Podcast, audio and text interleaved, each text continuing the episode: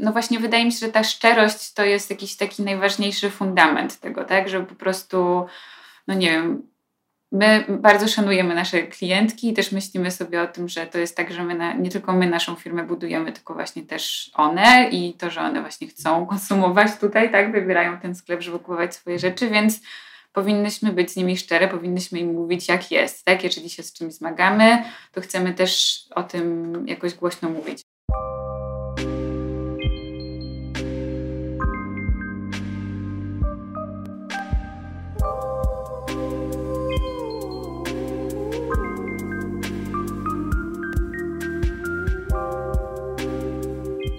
Cześć, tu Ania Pięta i Muda Talks. I dzisiaj zapraszam Was na spotkanie z dwoma kobietami, które postanowiły kiedyś mm, założyć markę, w mojej opinii, chyba najwygodniejszych butów, jakie w życiu miałam na nogach, markę Balagan. I rozmawiam w tym odcinku o tym, co im w ogóle na drodze do powstania tej marki przyświecało, jakie za tą marką i za ich biznesem stoją wartości i czym ta marka chce być w przyszłości, jakie dziewczyny mają plany. Rozmawiamy też o tym dosyć takim, powiedziałabym, trudnym, ale no, oczywistym temacie, dlaczego te buty są ze skóry i co również dziewczyny w tym temacie planują zmienić. No i tak, jestem bardzo ciekawa Waszych refleksji po tym odcinku i też będzie mi ogromnie, ogromnie miło i, i myślę, że to doda dużo sensu temu, co robię i mówię, jeżeli będziecie chcieli, chciały się tym odcinkiem z kimś podzielić i do czegoś Was zainspiruje. Zapraszam na spotkanie z e, autorkami i współwłaścicielkami marki Balagan, Hanią Ferenc i Agatą Matla-Klutyk. No dobra, to słuchajcie, już ustaliłyśmy, że bałagan istnieje od 2015 roku. Formalnie. Formalnie, no tak ale, ale pewnie istnieje tak, dokładnie, trochę dłużej. Natomiast powiedzcie w ogóle, y, która pierwsza y, chce się zgłosić, powiedzcie w ogóle, czym bałagan jest, balagan w zasadzie, i jaka była idea y, stworzenia tej marki.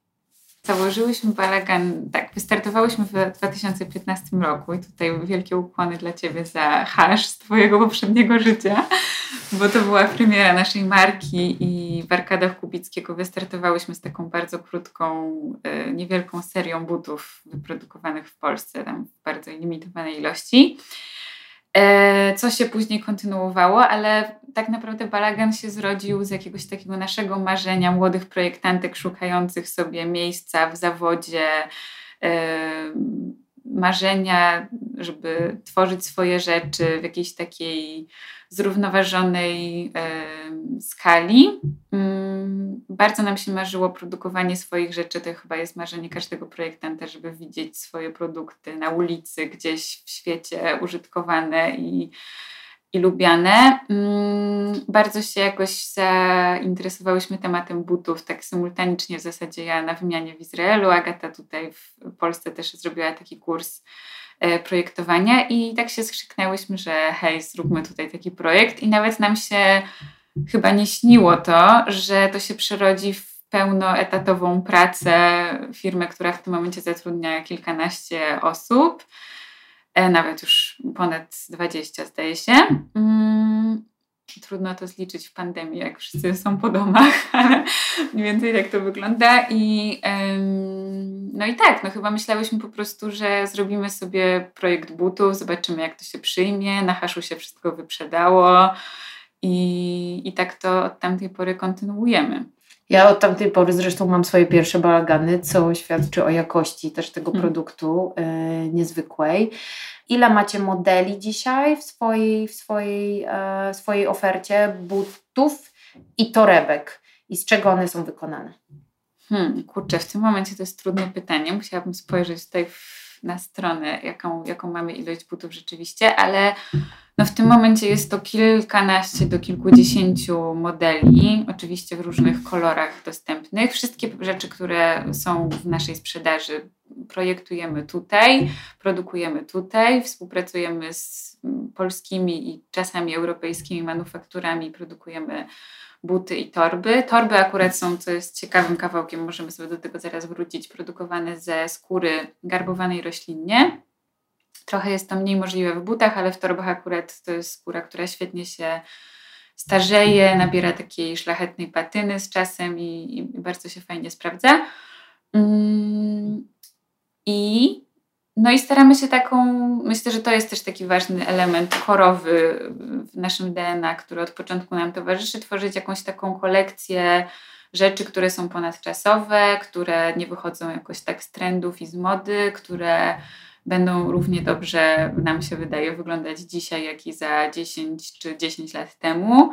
Mm, I, i staramy się, żeby to nie były takie rzeczy, które wchodzą i wychodzą z sezonu na sezon, tylko raczej chcemy je kontynuować, chcemy po prostu obserwować, które klientki e, rzeczywiście doceniają i kupują i, i, i te modele dalej produkować. I w sumie tak się dzieje, no bo buty, o których ty mówisz, że masz je od y, tych pięciu y, czy prawie sześciu lat, no to nadal je sprzedajemy i są takim naszym, śmiejemy się tutaj wewnętrznie, Big Maciem, który, który dalej tą firmę w dużym stopniu utrzymuje.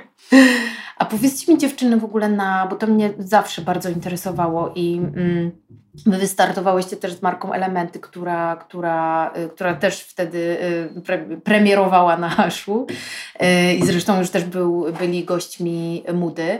Natomiast chciałabym Was zapytać, mm, wtedy była taka idea tego transparentnego kolektywu, czyli Transparent Shopping Collective to nazwa, nazwaliście i w ogóle to wtedy była, to była taka był taki strzał na tym polskim rynku, takiej niesamowitej świadomości do tej pory niespotykanej w markach, nawet tych małych, że postanowiliście na przykład pokazać wszystkie koszty produkcji, tego co za, tym, co za tą produkcją w ogóle stoi, z czego my sobie bardzo często e, nie zdajemy sprawy. Czy wy dalej świadomie kontynuujecie tą ideę? Tak, akurat było tak, że mm, zanim powstały elementy, y, Marta i Bartek mieli jeszcze inną markę, więc mieli już takie doświadczenie z tej strony producenta. Mm, a my z kolei byłyśmy takimi zupełnie świeżynkami, więc miałyśmy bardzo dużo takiego e, podejścia stricte konsumenckiego, i czyli dlaczego, dlaczego to tak działa, dlaczego wszystkie polskie marki są takie drogie? I jakby gdzieś takiego dużo wbijania kija w mrowisko. I część y, z tych naszych a jakichś wątpliwości czy, czy argumentów, no, no to mm, potrafili zbić, tak? Bo których nie byłyśmy świadome i to nam tylko pokazało jakby wspólnie, jak sobie o tym rozmawialiśmy, spotykaliśmy się na jakieś różne rozmowy, e, myśląc, że mo, może z nich wyniknie coś wspólnego, a może nie, to było takie jeszcze bardzo otwarte, czym, czym to wszystko ma być. E, no i z tych rozmów wyszło, że dużo klientów po prostu nie wie, z czego to wynika, nie wie, dlaczego tak jest. Eee, I w sumie, dlaczego by gdzieś nie, nie otworzyć trochę więcej e, światła na te kulisy. A, a z drugiej strony też wyszło parę jakichś takich ciekawych konkluzji e, mm, odnośnie tego podejścia e, klienckiego, że, że klient ma prawo wiedzieć mhm. te rzeczy albo chce wiedzieć i, e, i że może niepotrzebnie jest uprzedzony do jakichś tam obszarów, więc, z takiej burzy mózgów trochę. No i oczywiście też patrzy, w związku z tymi rozmowami zaczęliśmy patrzeć, jak to się robi na świecie, no bo na polskim rynku wtedy yy, to nie był jeszcze jakiś taki bardzo mocny temat. No i tak wiesz, robiliśmy sobie research. Tutaj ta marka robi, yy, robi pokazuje ceny, ale trochę, trochę nam się nie podoba w jaki sposób. Zobaczyliśmy, że ta moda zrównoważona ma bardzo wiele odsłon mhm. i to było super inspirujące. Jakby to nie jest tak, że my się tam pojawiliśmy z tymi naszymi pomysłami z, yy, jakby bez, bez jakiegoś wcześniejszego yy, rozeznania, ale mhm to było bardzo inspirujące i trochę po prostu wymyśliliśmy, że te nasze marki mogą działać w oparciu o jakieś wartości, czerpiąc z jakichś różnych rzeczy, które nam się bardzo podobają, które działy się na świecie. E, I że my sobie to, że wymyślimy sobie jakiś taki system, w którym to będzie działało e, w przypadku naszych marek. No i po, wtedy stwierdziliśmy, że zrobimy ten kolektyw, to się nazywa Transparent Shopping Collective i zaczęliśmy E, zaczęliśmy działać, e, zaraz powiem na jakich, jakby, o jakie filary się to opiera, ale zaczęliśmy działać w tym samym nurcie wtedy otworzyliśmy taki wspólny internetowy sklep i robiliśmy e, mnóstwo jakichś różnych działań e, razem.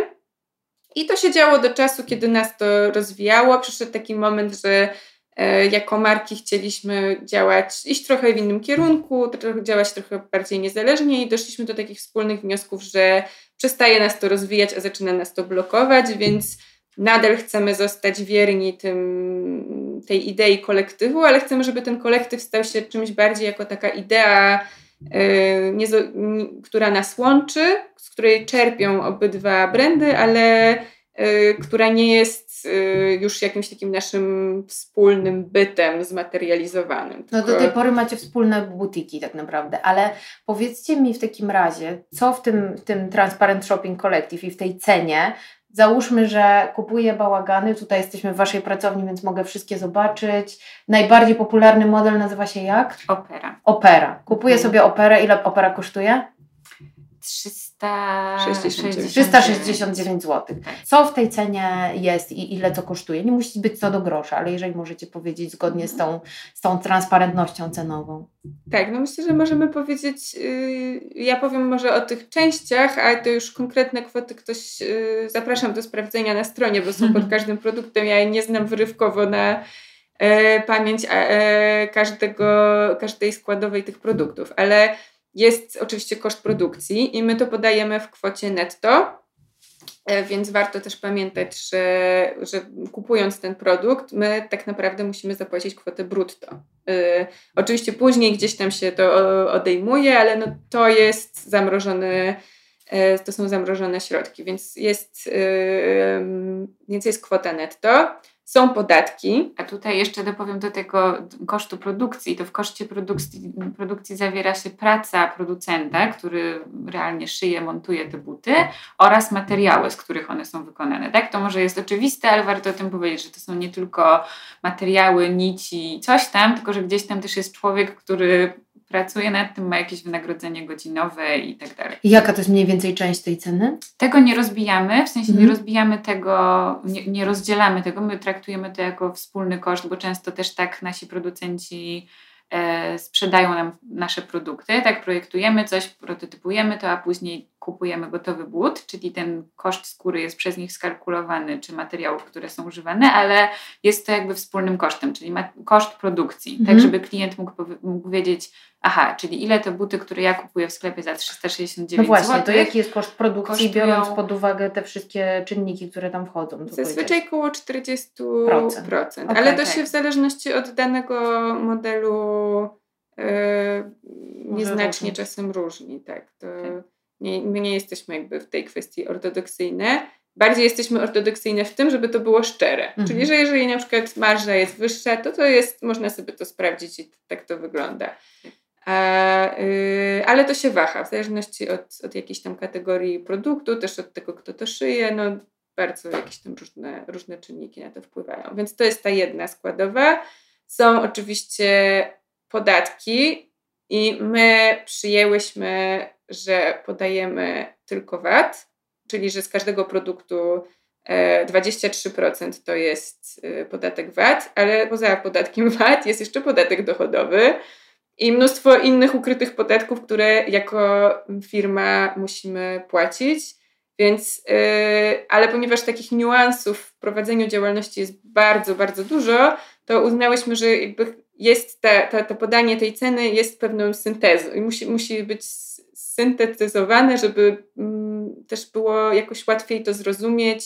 To jest też ważne, żeby powiedzieć, że za wszystkim stoją ludzie. I mhm. to jest może jakaś, e, jakiś truizm, ale naprawdę, jeżeli ktoś pisze e, bardzo nieprzyjemną wiadomość do, do obsługi klienta albo e, jakiś mm, klient, to to wszystko czyta osoba za ekranu. To nie jest tak, że to jest mielone. Ja wiem sama z własnego doświadczenia, że czasami łatwo zapomnieć, że jak się dzwoni na infolinię, to tam jakby jest jakaś osoba, a nie, a nie pan prezes, który wysłucha moich żali. No ale więc właśnie, u nas jesteśmy nie za dużą firmą e, i ze wszystkim nie mamy wszystkiego jakoś w wielkich systemach, więc u nas każdą par, parę butów pakuje jakaś pani albo jakiś pan, e, każdą wiadomość odbiera jakaś oso inna osoba, więc e, no więc, ale odbiegłam trochę od tego meritum, e, ale uważam, że to jest ważne, żeby to powiedzieć.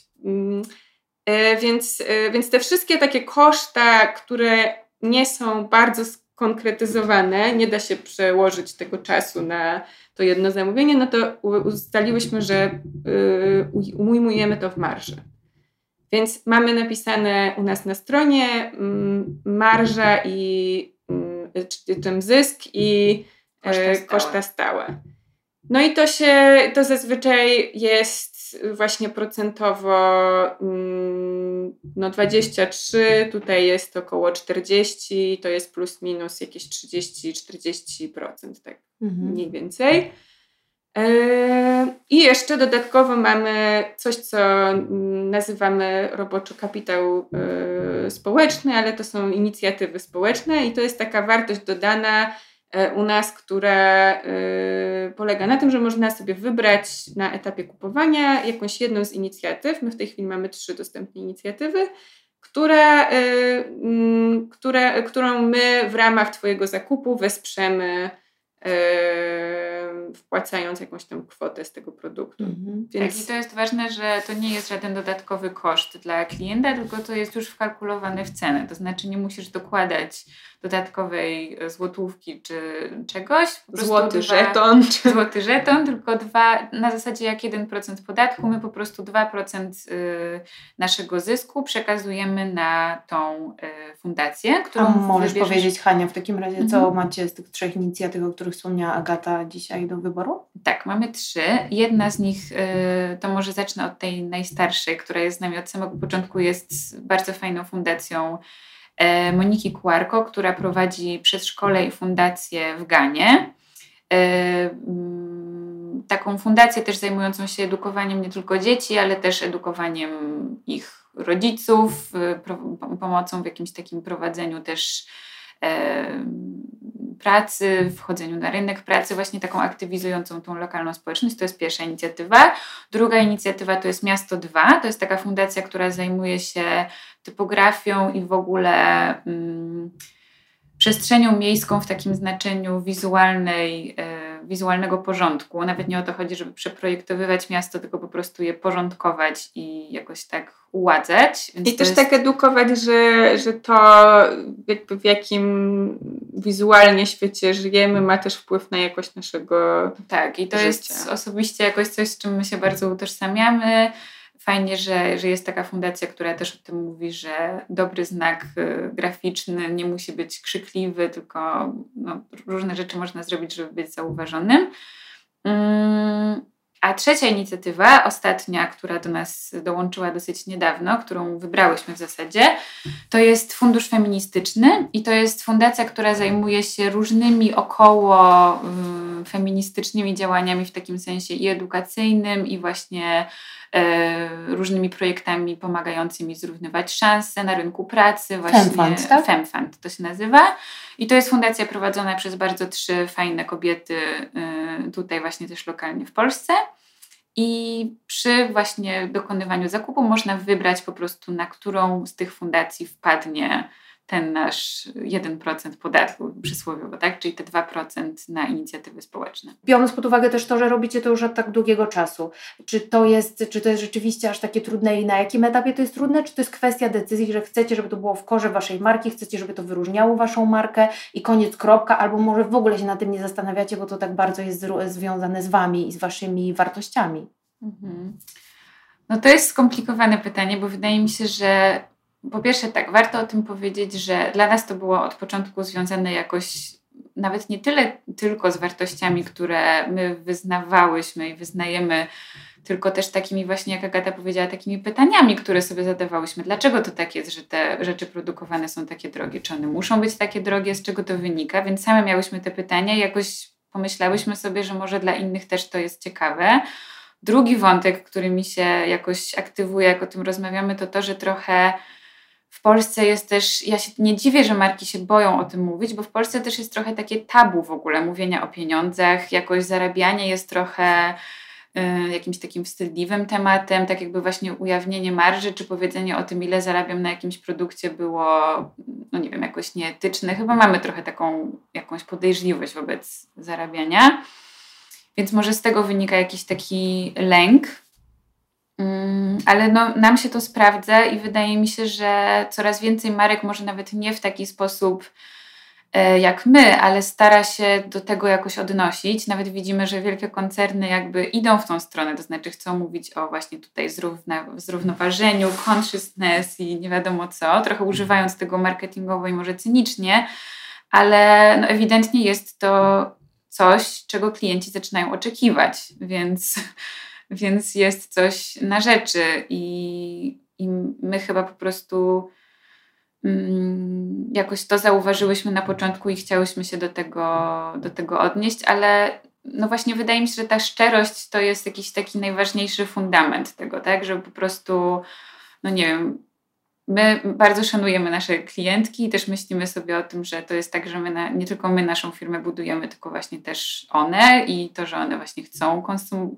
konsumować tutaj, tak, wybierają ten sklep, żeby kupować swoje rzeczy, więc powinnyśmy być z nimi szczere, powinnyśmy im mówić, jak jest. Tak? Jeżeli się z czymś zmagamy, to chcemy też o tym jakoś głośno mówić. Ale widzicie też na przestrzeni lat istnienia balaganu, na przykład zmiany w świadomości klientów tak, klientek? Tak, tak, mhm. tak. Y, ja dodam do tego, co powiedziała Hania, y, że mm, jest duża zmiana, jest ten rynek coraz większy, więc z naszej perspektywy no oczywiście się cieszymy, bo to, jest, bo to są nasi klienci, yy, ale ma to swoje jasne i ciemne strony, czyli jasną stroną jest w ogóle zmiana i to jest pozytywne, że ludzie zaczynają się tym interesować, no a ciemną stroną jest to, że jak wszystko, co robi człowiek, może być wykrzywione w, w krzywym zwierciadle i zaczyna, zaczynają się po prostu jakieś takie cyniczne często zagrania tych dużych graczy, to o czym właśnie Hania wspominała. I to ja na przykład widzę jako coś,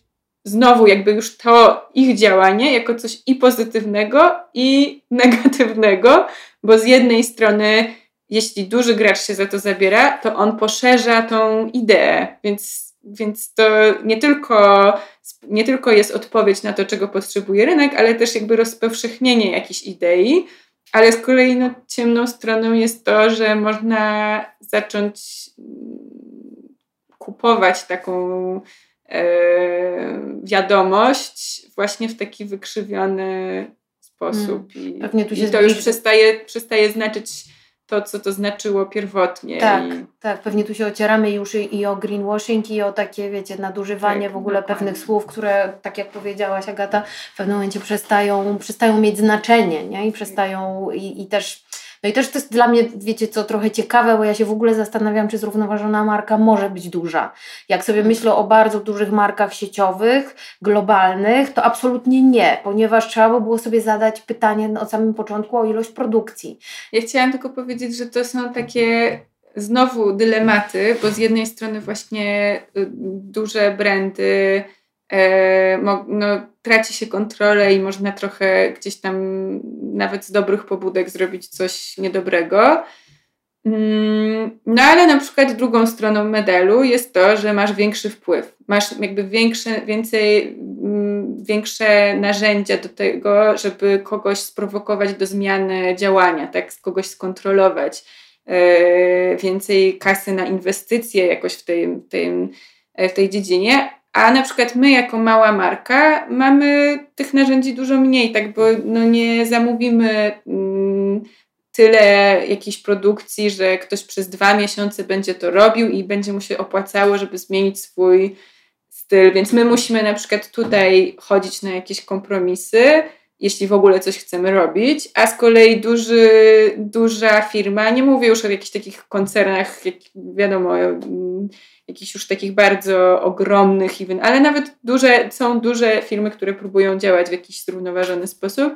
No i u nich tą ceną jest na przykład to, że nie zawsze mm, że nie zawsze wszystko da się skontrolować, zaplanować, pewnie są jakieś yy, sterki. No, mm. Ja tak mam naprawdę jakoś, im głębiej w to wchodzę, tym bardziej czuję, że to jest taki świat zupełnie nie, nie do ogarnięcia. W sensie, że cokolwiek byś nie, się nie zrobiło, to może być to może być to źle, więc jakby ta moja wyrozumiałość jest trochę e, może nawet na wyrost, ale jakoś... Tak, ja właśnie chciałam jeszcze powiedzieć do tego, że wydaje mi się, że to nie zawsze musi wynikać z jakichś złych chęci, to, że na przykład w jakichś koncernach y, pewne rzeczy się nie, no nie wyglądają tak, jakbyśmy chcieli, bo po prostu, no nie wiem, no często też właśnie firmy mówią tam do któregoś tam roku deklarujemy się, że, bo to jest wielka machina, po prostu zanim, i to jest też jakby wada tych dużych bytów, że zanim coś wdrożysz, zanim coś wprowadzisz, no to musi minąć dużo bardzo czasu,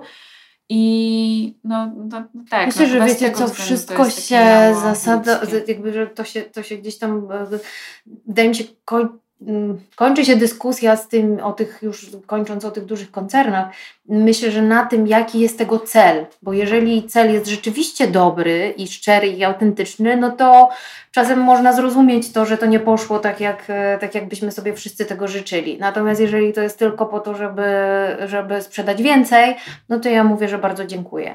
Ale to dobra, to zostawmy te duże firmy na boku, a wróćmy do, do balaganu. E, bo tak, bo powiedziałaś coś do 2020 któregoś zrobimy to i tamto. Jakie macie w takim razie dziewczyny plany i powiedzcie o tym, bo tu przed nami stoi w, waszym, w waszej pracowni na przykład e, seria produktów do pielęgnacji yy, waszych butów, pewnie nie tylko waszych, ale to, są, to jest dla mnie coś, co się gdzieś tam wiąże z tym przedłużaniem też butom życia. Ja tak jak powiedziałam na początku już i tak mam długo balagany, mhm. więc to co, to, jak, to jakbym jeszcze jeszcze miała coś do pielęgnacji, to już one będą ze mną do końca życia? Jak, jak to jest? Jak, hmm. Dlaczego w ogóle zaprojektowałyście, zrobiłyście swoje rzeczy do pielęgnacji, y, czy te, które istnieją na rynku, co, co, co im, czego im brakuje? No chyba to się trochę u nas wzięło właśnie z takiego myślenia o przyszłości, w sensie, że myślenie o przyszłości to nie jest tylko wybieganie marzeniami w przód, co my teraz zrobimy nowego, tylko też myślenie o tym, jak te nasze już istniejące produkty przez nowe E, sezony czy przez kilka lat mogą dalej służyć tym naszym klientkom. I właśnie z tego względu chciałyśmy już kilka razy, kilkanaście razy klientki nas o to pytały, jakie produkty polecacie, żeby dbać o swoje buty i, i, torby. Czasami nawet też klientki wysyłają zdjęcia swoich toreb jakiś po mamie, po babci, która no, wygląda słabo i trzeba by ją jakoś odświeżyć. No i chciałyśmy mieć po prostu taki produkt, który możemy polecić i też jakby, który jest sprawdzony, który jest naturalny, który, mm, który jakoś tak wydobywa właśnie piękno tej skóry i z tego względu właśnie stworzyłyśmy z tym, z tym na na tapecie te, te produkty do pielęgnacji. Tu są takie atomizery, w których są e, takie preparaty chroniące i czyszczące skórę, takie specjalne do zamszu, ale takie też specjalne do skóry licowej. Jest wosk na bazie wosku pszczelego, jest y, taki balsam do skóry, który można stosować i na torbach, i na butach. Różne, różne rzeczy. Chciałyśmy taką dowolność w tym e, zachować, natomiast zdecydowanie chodziło o to, żeby nasze klientki kiedy widzą, że ich buty są już trochę zużyte albo chciałyby je odświeżyć, to żeby mogły w taki produkt się zaopatrzyć. Mhm. Próbuję zebrać też te wszystkie rzeczy, o których wy myślicie przy tej marce i jak sobie myślę o tym, o tych, o tych społecznych inicjatywach, jak sobie myślę jeszcze o dbaniu produktu, żeby on y, żył jak najdłużej, jak myślę o, o lokalnej produkcji mhm. i też o tym, że no nie wiem, znacie cały swój zespół, wy macie w ogóle jakieś takie ambicje, żeby, żeby to było jakieś super wielkie, balagan, czy właśnie to jest po to, żeby, żeby wam się w tym dobrze było i żeby, i żeby to jednak było nie wiem jak to powiedzieć, bo wiecie, mm -hmm. mi się wydaje, że ten czas tego, że na, za wszelką cenę trzeba było marki powiększać i, i pimpować i od razu je sprzedawać i w ogóle mm -hmm. trochę mi się wydaje, że już taki sposób myślenia jednak o biznesie no. minął. Macie takie plany, kurde, zróbmy z balaganu coś, coś większego. Był taki moment, y, gdzie mm, rzeczywiście zadałyśmy to pytanie sobie i doszłyśmy do takiego punktu, i tutaj Hania popraw mnie, jeżeli mhm. coś e, powiem inaczej, że mm, ważny jest oczywiście dla nas rozwój tej firmy, bo to też jest nasz osobisty rozwój, tak, żeby e, no, żeby cały czas stawiać sobie wyzwania i, i je realizować i, i, też się spełniać i rozwijać też e, spełniać ambicje naszego zespołu, tak, który też się chce, przecież każdy człowiek chce się w, w swoim dziale czy w swojej dziedzinie rozwijać. E, więc wa ważny jest dla nas rozwój tej firmy i w związku z tym też no, pomnażanie tego kapitału i no, to oczywiście też zarabianie, ale że to nie będzie celem samym w sobie naszej, yy, naszej spółki, naszej firmy. Tak, myślę, że to też trochę jest właśnie powrót do początku naszej rozmowy, czyli jaki był cel w ogóle, dlaczego my założyłyśmy tą firmę. My chciałyśmy stworzyć dla siebie miejsce pracy. Jesteśmy projektantkami, chciałyśmy projektować. Teraz mamy to szczęście, że możemy tworzyć te miejsca pracy nie tylko dla siebie, ale też innych y, osób nie wiem, tworzymy miejsca dla pracy dla kobiet, które na przykład sami, same samodzielnie wychowują dzieci i potrzebują mieć elastyczne godziny pracy. No to dla mnie to jest ogromna satysfakcja, że taka osoba może mieć pracę, może mieć jakiś work-life tutaj balans, mówiąc korporacyjnie i, i, że, i że to działa i... Mm, My w pewnym momencie po prostu zadałyśmy sobie takie pytanie, chcąc rozwijać balagan i chcąc, żeby ta firma dalej pieła się do góry, bo zależy nam na niej i chcemy się rozwijać. E, I zaczęłyśmy romansować jakoś z tematem inwestora. I tutaj znowu wracając do naszej rozmowy na początku z OFU jeszcze, zanim zaczęłyśmy nagrywać o ufaniu swojemu, swojej intuicji, no jakoś, jakoś nasze tutaj brzuchy nam podpowiadały, że ten temat inwestora to nie jest jednak dla nas, mimo tego, że dosyć głęboko już zaszłyśmy w tamtą stronę. Mm, w pewnym momencie stwierdziłyśmy, że po prostu dla nas większą wartością jest to, żeby prowadzić ten biznes w swoim rytmie, e, móc jakoś dostosowywać skalę tego rozwoju do, no też do naszego życia, do jakichś naszych planów i tak dalej niż na odwrót. A inwestor przez samą jakby e, formułę tego modelu zależy mu zazwyczaj na tym, żeby po prostu wprowadzić kapitał, później zwiększyć go i, I szybko zarobić. I, I, sprzedać. Więc to są inne cele niż nasz, tak? Jakby nam, nam zależy na tym, żeby to po prostu utrzymać na dłużej, niż koniecznie to z z, z wielokrotnić, szybko zmonetyzować. Tak, szybko zmonetyzować, zwielokrotnić i tak dalej. Stąd też y, jakby wracam do punktu y, właśnie marży i, i cen, że my naprawdę staramy się, żeby te nasze ceny były skalkulowane w taki racjonalny i zrównoważony sposób. Tak? Staramy się nadal, żeby te nasze rzeczy nie były za drogie. Jednocześnie też zależy nam na tym, żeby produkować lokalnie w Polsce, bo widzimy tutaj dużą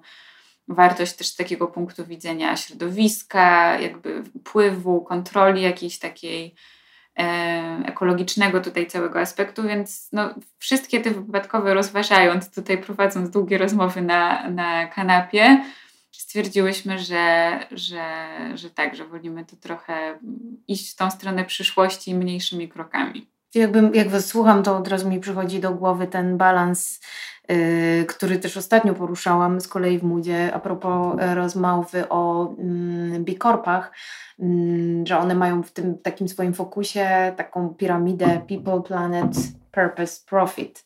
Oczywiście w dzisiejszych czasach to się może mocno zmieniać i jakby żeby się utrzymać ten profit jest absolutnie niezbędny i nie można też zamykać oczu i się wstydzić o tym mówić, ale to co mówicie o, tych, o tym balansie w tych, w tych waszych wartościach i w tym do czego bałagan, balagan dąży, to mi się to jakby tak bardzo to widzę, jak mi się tak rysuje przed oczami. No dobra, ale słuchajcie, to teraz przejdźmy już do nie takiego yy, łatwego tematu i myślę, że w tym, a propos tego wzrostu świadomości Waszych odbiorczyń, klientek, to no tak, waszym głównym materiałem, z którego produkujecie wszystko, jest skóra. To co z tą skórą? Jest to naturalna skóra. Skąd bierzecie w ogóle te skóry i jak, je, jak w ogóle wygląda proces przygotowania tej skóry? I też no, mm, fajnie by było, gdybyście powiedziały no, też o, tej, o tym roślinnym garbowaniu, no ale jednak jest to skóra ze zwierząt.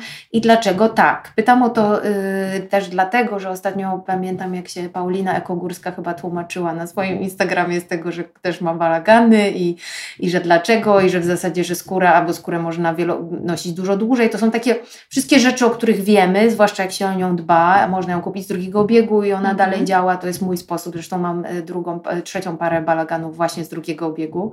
yy, przechwyconą. I, i, I jakby wiecie, ja to wiem, ale mm, no bo też wiemy, że skóra ma też dużo ślady węglowy i wodny przy później obrabianiu jej, a wszyscy, którzy, którzy z kolei o tej skórze zawsze mówią, że no tylko skóra i nic więcej, no to mówią, że to jest jakiś tam odpad z produkcji mięsa. To jak to jest ze skórą? Wy jesteście tutaj, myślę, dla mnie teraz już guru, mhm. zamieniam się w słuch. No nie jest to łatwy temat i my myślę, że z tego miejsca też musimy powiedzieć, że mamy świadomość tego, że to nie jest idealny materiał, że to nie jest idealne rozwiązanie, że też chyba to jest tak, że mało jest takich idealnych rozwiązań. My cały czas mamy taką ambicję do tego i może tutaj jest właśnie moment do wrócenia do tematu o przyszłość. Mamy taką ambicję, żeby móc stworzyć prawdziwie wegańskie buty, które będą biodegradowalne, które nie będą miały w sobie plastiku o tym za chwilę. Ale jak do tej pory nie znalazłyśmy takiego zamiennika, który byłby naprawdę mniej szkodliwy niż skóra. Jakby jeżeli chodzi o skórę, to jest materiał pochodzenia zwierzęcego, więc tutaj jest ten problem tego, że jest w to zaangażowana śmierć zwierzęcia, ale z kolei z drugiej strony alternatywa na rynku, która istnieje dla skóry pochodzenia zwierzęcego, to jest plastik. I wszystkie materiały, które do tej pory udało nam się zresearchować, znaleźć jako zamienniki, mają w sobie duży procent plastiku, który nigdy w środowisku się nie rozłoży. Zwłaszcza y, to jest warte, żeby powiedzieć, y, że mm, te wszystkie materiały, które do tej pory zebrałyśmy, y, które mają no, taką markę materiałów wegańskich, które zastępują skóry, one są właśnie łączone z tym plastikiem w taki sposób, że nie da się ich później utylizować, utylizować w tak. taki prosty sposób, tak? No bo pewnie odsyłając do Ameryki, gdzie zostały wyprodukowane, albo w jakimś jednym konkretnym miejscu, może taki system byłby możliwy, ale mówimy tutaj o tym, jakie zasoby, jakie możliwości utylizacji posiada dany kraj i tak. Yy, więc, więc tutaj to jest bardzo duży dylemat. I... Tak, i my się trochę odbiłyśmy od tego tematu na, z, tak, z taką smutną konstatacją, że to jest po prostu bardzo marketingowo rozegrany temat, że są skóry z ananasa, tak zwane skóry z ananasa, z kaktusa, z grzybów, różne takie materiały, ale niestety, no, patrząc, co jest napisane małym druczkiem w katalogu, widać, że mają to. Yy, no, ten, ten plastik w sobie, tak? I tego się nie da rozdzielić. To jest bardzo smutne, że tak to wygląda, ale no, do tej pory nie znalazłyśmy takiego zamiennika. A to, co z kolei jest zaletą skóry, no to to, że właśnie się rozłoży w środowisku naturalnym. W tym momencie my pracujemy nad butami. W, właśnie bardzo nam zależy na tym, żeby one były prawdziwie wegańskie, czyli właśnie kleje na bazie wody, mm, organiczna bawełna, kauczuk, który jest naturalną gumą, więc jakby takie materiały chcemy w swojej kolekcji też mieć, ale zdecydowanie mówimy nie takim plastikowym hybrydom, które no finalnie mi się osobiście wydaje, tutaj znowu dotykamy tematu różnych spojrzeń na ekologię, ale mi się wydaje, że one przynoszą więcej szkody niż pożytku. Zdecydowanie mi się podoba, wiecie, to, to co mówicie, yy, bo yy, ze skórą się trochę dzieje tak, że wszyscy te buty ze skóry nosimy, jednocześnie wszyscy się za to jakoś tam biczujemy, że o Boże, masz buty ze skóry, to czemu nie będziesz mi tu mówić, że mam nie jeść mięsa, nie? Że znowu brak mhm. balansu w tej dyskusji totalnie. Zapominamy, że buty ze skóry mogą służyć służyć naprawdę wiele, wiele lat i przechodzić y, z ręki do ręki. Jeżeli się o nie dbano, to w ogóle jakby ten czas jest zupełnie, nie wiem, czy jakoś tam strasznie określony, ale, yy, ale no, ja, ja mam buty ze skóry po kilkanaście lat. Yy, o ile mi się nie znudzi design i gdzieś tam ich po prostu nie oddałam albo siostrze, albo nie sprzedałam do, do, do drugiego obiegu, natomiast nigdy żadnych butów nie wyrzuciłam, yy, skórzanych, nigdy, naprawdę, a już właśnie z tymi takimi plastikowymi czy dziwnymi trampkami, które wiadomo, że jest połączone tyle różnych elementów tam w środku, pozgrzewanych ze sobą, mhm. czy moi ukochany hit sprzed paru lat przykład klapki z futrem, tak? Po mhm. prostu absur absurd totalny, jednosezonowy. Mhm. Jakby też trzeba powiedzieć, że te wasze fasony są ponadczasowe w większości, e, co też ma oczywiście mega znaczenie i też pasujące do wielu rzeczy. I nagle znowu się zrobiło tak, że, że pojawił się ten Pinatex, pojawiło się dużo, pojawiło się dużo różnych e, fajnych, ciekawych rzeczy na rynku. No ale teraz pytanie, co, co z użytkowaniem tego wszystkiego? I teraz znowu pojawia się się to moje ulubione słowo, że te najbardziej zrównoważone rzeczy to są te, które masz w szafie, więc jeżeli stoisz przed, e, jakby przed, wiecie, tym wyborem, czy sobie kupić buty z ananasa, um, tylko po to, żeby być bardziej eko, no to może niekoniecznie jest to dobre wyjście um, i, i, i, nagle po prostu tą całą swoją szafę na przykład wywalić, tych, tych skórzanych no powiedzmy tak, butów. Tak. Więc zupełnie nie, natomiast podoba mi się, bo to, co mówicie, mówi mi o tym, że jesteście odpowiedzialne za wasz produkt również przypadku jego kolejnego życia, tego drugiego życia, tak? Czyli jakby mówicie o tym, że, że coś się nie rozłoży po prostu, więc nie chcecie też mieć z tym nic wspólnego. To z czego będą te wasze wegańskie buty? Jeszcze poza tym, że z, ka, z, ka, z kauczuku będzie podeszwa naturalnego i, wod, i wodne kleje. No z pewną nieśmiałością o tym mówię, bo to jest dalej w procesie, ale no marzy nam się, żeby, żeby zrobić pierwsze w balaganie trampki, które właśnie będą z gumy i takie sneakery właśnie z bawełny organicznej. E, I teraz to jest temat, który mamy na tapecie i bardzo, bardzo liczymy na to, że to się uda do, do wiosny zrobić. Mm. No, tak. No dobra.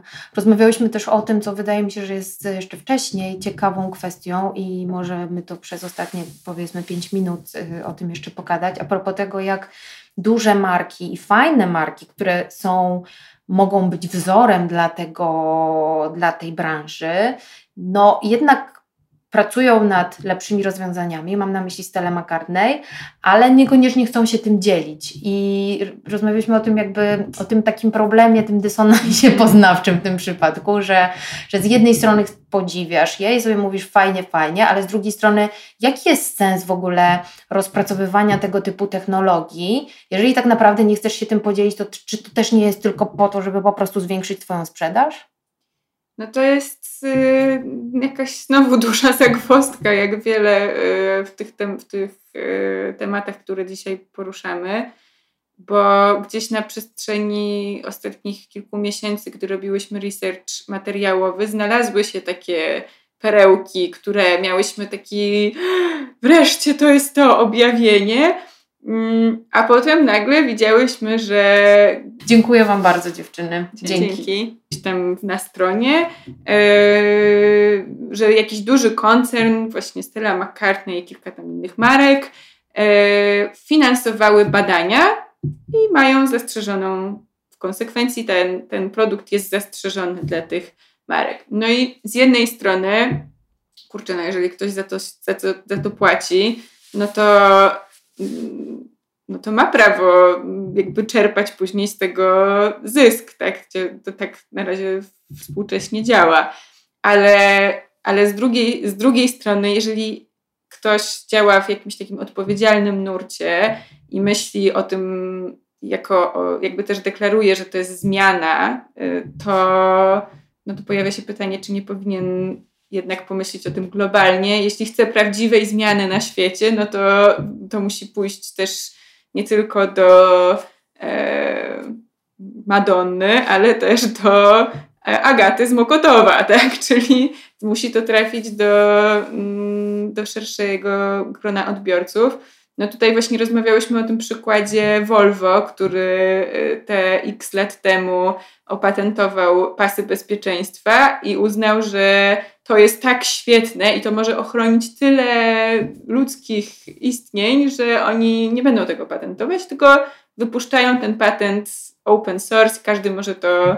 No i dzisiaj to jest standardem, w ogóle nikt by sobie nie, nikt sobie nie wyobraża jazdy, no ja sobie nie wyobrażam jazdy bez pasów, ale dla nich to no na pewno była jakaś strata mm. finansowa. Mm. To jest bardzo ciekawy w ogóle wątek. Myślę, że, że takim możemy zakończyć pytaniem e, do, do, do słuchaczy i słuchaczek e, Mudy, nie? Jakby jak sobie z takimi tematami gdzieś tam radzić i jak, jak w ogóle o tym rozmawiać, no bo tak jak powiedziałaś, jeżeli ktoś to finansuje, no to ma prawo sobie to zastrzec, a z drugiej strony jaki jest jego cel?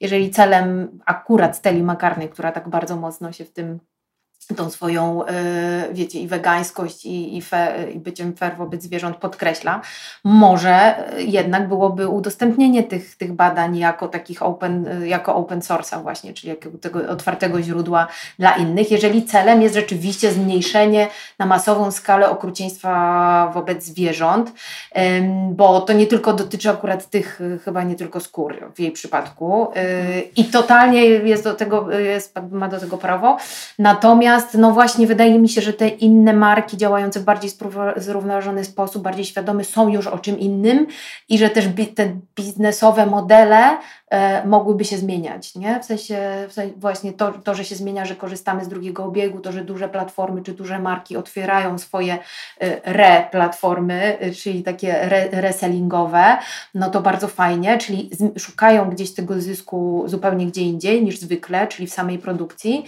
To wydaje mi się, że takim markom, zwłaszcza takim pionierom na tym rynku, które już długo działają, też by się przydało takie odświeżenie może te, i, idei tego, po co to robią i być może udostępnienie takiego open source'a też mogłyby być jakąś częścią y, y, ich, ich nowego y, mhm. modelu biznesowego i może też można by było na tym jakoś zarabiać, a no, więc ja na to ba bardzo chyba czekam i za to, za to trzymam kciuki, żeby, żeby to się zmieniło na taką masową skalę, żeby wtedy to już nie było dla nas, mm, wiecie, dzisiaj tak jak dla, dla waszej marki tak nie dłużej, e, gdzie tych skór praktycznie jeszcze nie ma i one są tych, mówię, wegańskich skór na etapie naprawdę bardzo startupowym i bardzo wstępnym, no to jest ogromne wyzwanie, co wiąże się z tym, że to jest oczywiście drogie, bardzo droga zabawa w te wegańskie skóry, co znowu wiąże się z tym, że no, mało kto to kupi, w związku z czym co to zmienia, nie? To tak, tak, taki... to jest nadal po prostu bardzo taka ekskluzywna,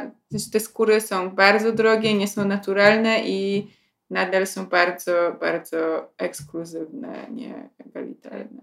No właśnie. Więc, więc, to jest chyba w ogóle duże pytanie o et, taką etyczność, zaangażowaniu biznesu w naukę i jakby jakie są tego konsekwencje. No, kilka lat temu pan z Nestle też miał pomysł, żeby prywatyzować wodę w ogóle, więc jakby no są takie są takie pomysły, ale może po prostu musimy, wiecie, jakiś hashtag puścić po internecie Stella, please share your mushrooms i po prostu i też zrobiły wtedy buty z grzybów i wszyscy będą szczęśliwi. Opatrzę na pewno ten odcinek takim hashtagiem e, Stella, please, Stella, share. please share your mushrooms po prostu, albo share your mushrooms, e, to po, po, po, podpowiadamy już z czego Dokładnie. jest ta skóra. E, tak, e, na pewno, na pewno będzie hashtag open source, myślę, że w ogóle dużo startupów i w ogóle fajnych młodych młodych marek, które już myślą trochę inaczej, mm, czy na przykład marek, których już nazw nie powinnam wspominać, ale wspomnę, czyli typu Patagonia, myśli zupełnie inaczej i potrafi się dzielić tym, co sobie wypracuje, bo ich cel jest już kompletnie gdzie indziej niż tylko stricte ten profit sam w sobie, więc myślę, że to się bardzo zmienia. Z tą etyką biznesu, z tym open source'em i w ogóle z tym, co powiedziałyście, pojawiło się naprawdę dużo wątków, które mi z kolei pociągną nowe tematy, ale też myślę, że przyprowadzą dużo pytań od słuchaczy i słuchaczek Mudy, więc jak macie jakieś pytania do, do balaganów, do dziewczyn, to ja chętnie po tej audycji jeszcze przekażę, co, mm. bo mhm. myślę, że to są naprawdę dwie dziewczyny, które bardzo słuchają tego, co świat im mówi. Dziękuję Wam bardzo dziewczyny. Dzięki. Dzięki.